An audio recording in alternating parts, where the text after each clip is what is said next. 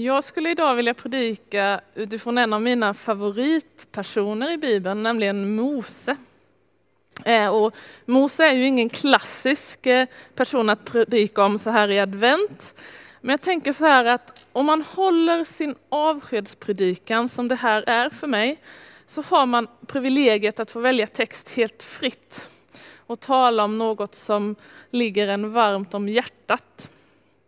Eh, och Självklart så hade jag helst velat få träffa er ansikte mot ansikte och inte predika så här inför en tom kyrksal. Eh, men jag vet att ni sitter hemma och tittar och det uppskattar jag. Och till er ungdomar som deltar i den här gudstjänsten vill jag säga att ja, men ni har fångat mitt hjärta. Och till er som församling så är jag så tacksam att jag har fått växa i min tro och, min, och ledarskap här. Eh, och för dig som inte känner till berättelsen om Mose så inleds den med att, med att Mose föds som israelisk slav i Egypten. Eh, och det israeliska folket har växt sig, växt sig så stort att farao som styr Egypten bestämmer sig för att döda alla nyfödda barn. Eh, men Mose då han göms i en korg i, vatten, i vassen och hittas där av prinsessan, av faraos dotter. Och prinsessan väljer att adoptera honom och det kan man tänka har att göra med att Nilen var för egyptierna helig. Den var liksom, eh, ja, men tillhörde gudarna så därför adopterar hon honom när hon hittar honom där. Så Mose fick ju då till skillnad från sitt folk växa upp under privilegierade omständigheter. Han var prins i Egypten. Men när Mose blev äldre så växte ju också då insikten om, att, om vad hans folk utsattes för. Eh, och en dag så får han se en egyptier slå ihjäl en israel. Och då gjorde Mose som många av oss ibland gör, att man tar rättvisan i egna händer. Och när han trodde att ingen såg så slog han ihjäl Egypten, Egyptien och gömde honom i sanden. Eh, men sanningen kom ju fram som den ofta gör och Mose får fly ut i öknen. Och där i öknen så träffar Mose sin fru Sippora, de får två barn och, och Mose blir fåraherde åt sin svärfar Getro. Så Mose kommer nu att vakta får i öknen i 40 år. Och jag tänker så här, han måste ha hunnit grubbla väldigt, väldigt, väldigt mycket och kanske spelades den där scenen eh, med Egyptien som han hade dödat liksom upp inom honom gång på gång. Hur hade han, jag tänker, hur hade han kunnat agera så ovist? Eh, för som prins hade han ju kanske kunnat påverka sitt folks lidande i någon mån. Men vad kan en obetydlig fåraherde i öknen göra? En gammal fåraherde som nu verkar vara 80 år gammal. Men i alla fall där i öknen, i detta liksom torra ödsliga land, mitt bland alla Moses grubblerier och krossade drömmar så visar sig Gud för honom i en brinnande buske. Och det visar sig att, att Moses står på helig mark fast att han själv inte visste om det. Och jag tänker på något sätt att kanske är det så för oss alla ibland att vi står på helig mark, att Gud finns där. Men vi märker det inte för den är så alldaglig. Det är en sån vanlig plats att vi inte ser det. Och ett av de tillfällen då jag har stått på helig mark utan att veta om det var kanske när jag var sådär 15 år eh, gammal. Och jag minns att jag var ute och gick, det var lite sånt här gråväder som det är idag. Jag gick på en vanlig gångväg, cykelväg hemma med så här ett tråkigt dike och så bilvägen. Liksom. Och så gick jag där och funderade på, ja, men, vem är jag? Eh, vad ska jag göra med mitt liv? Och då kom tanken till mig att ja, men, du ska leda den nya unga generationen. Och för mig var det då som att Gud talade och de där orden är något som jag burit med mig. Som jag fortfarande har med mig sådär 17 år senare. Och det är det som är så speciellt, att Gud kan finnas på den vanliga promenaden, på den vanliga gångvägen. Liksom på, vi kan stå på helig mark, liksom. fast vi inte vet det, vi inte ser det, för vi sitter liksom i soffan. Men plötsligt så visar sig Gud för oss. Så mitt i det extremt vanliga, öknen som Mose då har funnits i ungefär 40 år visar Gud sig. Och Gud säger till Mose, men jag har sett hur mitt folk, Israels folk, plågas i Egypten och jag vill att du ska leda det ut därifrån. Och vad är då Moses första respons? Jo, hur ska jag kunna göra det? Och då ska vi läsa eh, ifrån Andra Mosebok kapitel 4, vers 1-5. Där står det så här. Mose sade, men om de inte tror mig och inte lyssnar på mig utan säger att Herren inte uppenbarat sig för mig. Herren sade, vad har du i handen? En stav, svarade Mose. Kasta den på marken, sade Herren, och Mose kastade den på marken och den förvandlades till en orm. Mose ryggade tillbaka för den, men Herren sade, räck ut handen och grip den i stjärten. Och när Mose tog den förvandlades den åter till en stav i hans hand. Så ska de bli övertygade om att Herren, deras fäders Gud, Abrahams Gud, Isaks Gud och Jakobs Gud har uppenbarat sig för dig. Vad säger Gud till en osäker Mose? Vad ställer han för fråga? Jo, vad har du i handen? Vad har du i handen Mose? Och jag tror att vi liksom ibland missar att se vad vi har och vad Gud kan göra med det vi har om han fick använda det. För vi tänker, men det, det är så litet. Det är så alldagligt. Alltså Mose hade en stav i handen. Vad skulle han göra med den? Vad kan Gud göra med den här staven? Och grejen är den att Mose hade ju inte ens den häftigaste staven av alla.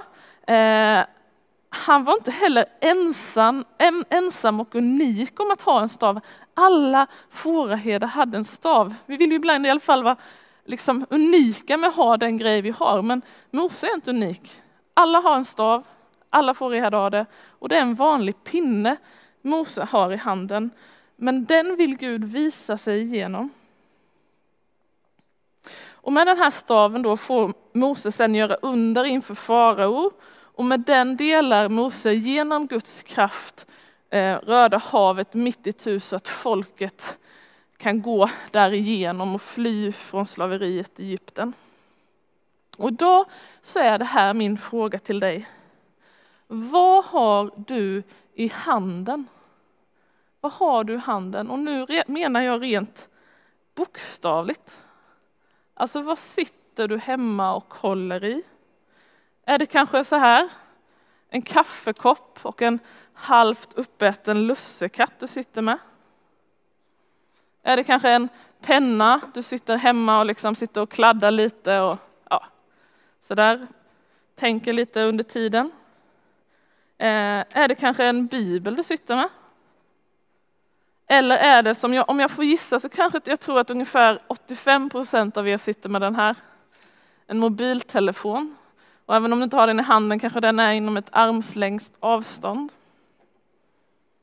Och tänk om, tänk om Gud vill använda det du har just nu, denna mycket vardagliga sak för att visa vem han är. Eh, Eh, för några veckor sedan så satt jag hemma lite deppig. Eh, nya restriktioner hade kommit om att offentliga arrangemang skulle begränsas till åtta personer. Och för oss så innebär det ju att vi inte, ja men innan jul kommer vi inte träffas i fysisk form. Eh, och egentligen så var det ju inget, det var inget förvånande besked, men det kändes bara så, så tråkigt. Men så tänkte jag på just den här meningen som, Mose, som Gud säger till Mose, vad har du i handen? Och vad är det som jag återkommande har i handen under min dag eller så? Jo, det är ju faktiskt en mobil. Eh, och då är frågan, kan, kan Gud använda den här? Och ska jag vara ärlig så känner jag mig ganska kluven in, inför det här. För ja, det finns mycket bra med mobil, men det finns ju också en hel del nackdelar. Så jag är egentligen inte så säker på att jag vill använda den mer än vad jag gör. Men frågan är ändå om den här just för den här tiden kan för mig vara som Moses stav. Alltså något väldigt, väldigt alldagligt, något som i princip alla har, som Gud liksom kan använda det om, om vi lägger det i hans händer. Så jag har sista veckorna funderat på hur Gud kan använda min mobil. Eh, den här veckan när jag har varit ute och gått lite promenader så har jag vid ett par tillfällen blivit påmind om personer som jag tänkt ah, att ja, jag kanske ska be för dem. Så jag har bett för dem på promenaden och sen har jag tagit min mobil och så har jag skrivit ett, försökt skriva någon slags uppmuntrande meddelande. Eh, och jag hoppas och tror att Gud kan använda det. Eh, och häromdagen pratade jag också med en av våra konfa 2-ledare. Alltså vi har en grundkurs i kristen tro för åttan som vi kallar för konfa och sen fortsättningsåret som heter konfa 2. Och de har också tyckt det var trist att få ställa in och inte få träffas. Men sen förra veckan så har de börjat att träffas på Zoom och de kör ungdomsalfa där. Och då berättade den här ledaren att det visat sig att några av ungdomarna pratar mer och delar mer när de möts via mobilen och datorn än vad de har gjort tidigare. Eh, så jag tänker att Gud verkar använda det vi har i händerna och inte det vi, det vi önskade att vi hade. Vi kan ju önska att det var annorlunda, men Gud använder alltid det vi har. Så om du sitter hemma med en mobil i handen, tänk om Gud vill använda den för att visa vem han är. Eller om du sitter med en kaffekopp och en kaka kanske. Tänk om, om du ska kanske baka mera och gå och hänga på grannarnas dörrar. Eller om du sitter med en penna. Tänk om du i år ska skriva lite längre julhälsningar på de här julkorten och kanske skicka med ett bibelord som passar eller vad, vad, vad vet jag. För jag tror att Gud vill använda det du har i handen. Gud är väldigt konkret. Och nu kanske en del av er tänker så här, men att de exempel jag har tagit låter ganska små. Mose fick ju leda ett helt folk ut ur slaveri och här uppmuntrar jag en granne. Alltså, det kanske inte känns riktigt jämförbart. Och jag tänker, ja, det kan verka litet, men för den som du pratar med eller uppmuntrar så kan det göra all skillnad i världen. Ehm, och om jag tittar på viktiga händelser i mitt liv så är de ju ofta kopplade till att en, person har fått se och uppmuntra mig i rätt tid. Ehm, kanske har väglett eller utmanat eller lyssnat. Och det tänker jag att du också kan få göra genom det du har. Sen är det ju så att vi vet ju inte vad Gud gör om vi överlämnar det vi har i hans händer. Om till, till exempel tittar på William Wilberforce så var han en kristen som hade en penna i handen i slutet av 1700-talet. Och han, hans extremt uthålliga arbete så avskaffades slavhandeln i Storbritannien och även den globala slavhandeln påverkades. Så jag tänker så att ja, men Gud använder ju inte bara stavar för att befria folk från slaveriet utan även pennor. Eller framförallt så använder Gud det vi har för att visa vem han är. Och jag tänker så här, jag avslutar så här, men om du vill, det här är helt frivilligt och jag ser ju inte vad du, vad du gör eller ej. Men om du vill, ta nu din kaffekopp eller penna eller mobil eller bibel eller vad du nu har och håll det i handen. Och så lämnar vi det till Gud och så ber vi att Gud ska använda det. Vi ber. Gud, här sitter jag med den här enkla vardagsgrejen i handen. Och det känns på så många sätt så futtigt. Men det är det här jag har. Men nu överlämnar jag det till dig och ber att du ska använda det för att du ska bli synlig. Amen.